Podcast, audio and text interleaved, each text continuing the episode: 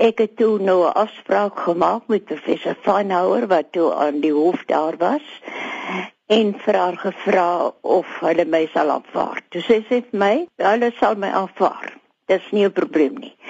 Ek sal moet kies 'n opsie. Nou ek is baie gelukkig met woorde. Ek wil weet wat woorde beteken en hoe 'n mens jou behoort uit te druk dat ander mense jou nie verkeerd verstaan nie.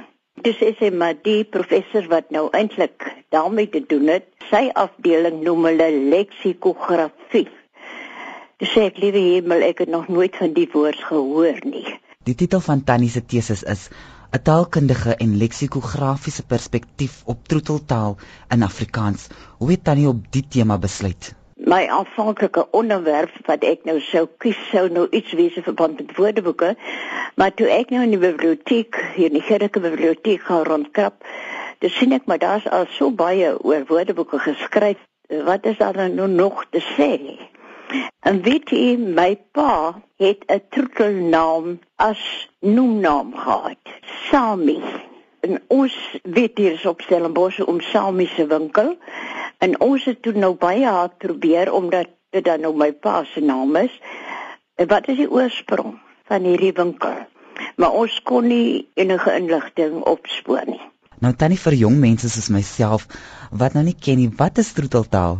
Vir my het troeteltaal sy oorsprong, troetelname by die ma wanneer die kind gebore word. Dis die begin van troeteltaal. Dis so algemeen dat as die ma die baba in die arm sou my liefie, my liefding, my skat. Dis die eerste woorde wat die kind nog nie benul waar om dit gaan nie.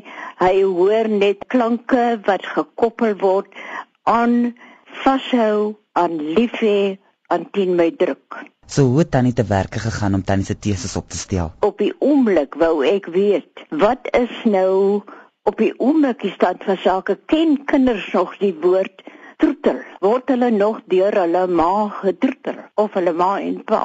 Weet hulle van so 'n woord?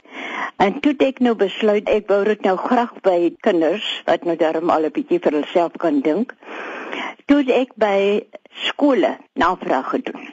Ek het 'n briefie opgestel en verduidelik waaroor dit gaan Dit het die briefie aan 'n klomp skole gepos.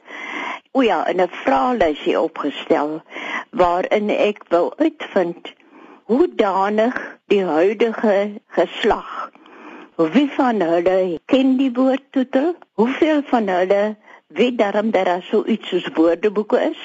Toe die kinders nou klaar die vraelyse gedoen het dan het hulle terug gekry en dan het dit deurgegaan wat het dan nie toe bevind? Weet jy dat daar omtrent 1% was wat die woord geken het of gehoor het al. Maar ook vir my gesê het maar hulle ken nie die woord nie, hulle maalvaar het nou nog nie vir hulle gebruik nie, maar dit laat by hulle 'n gevoel van liefde.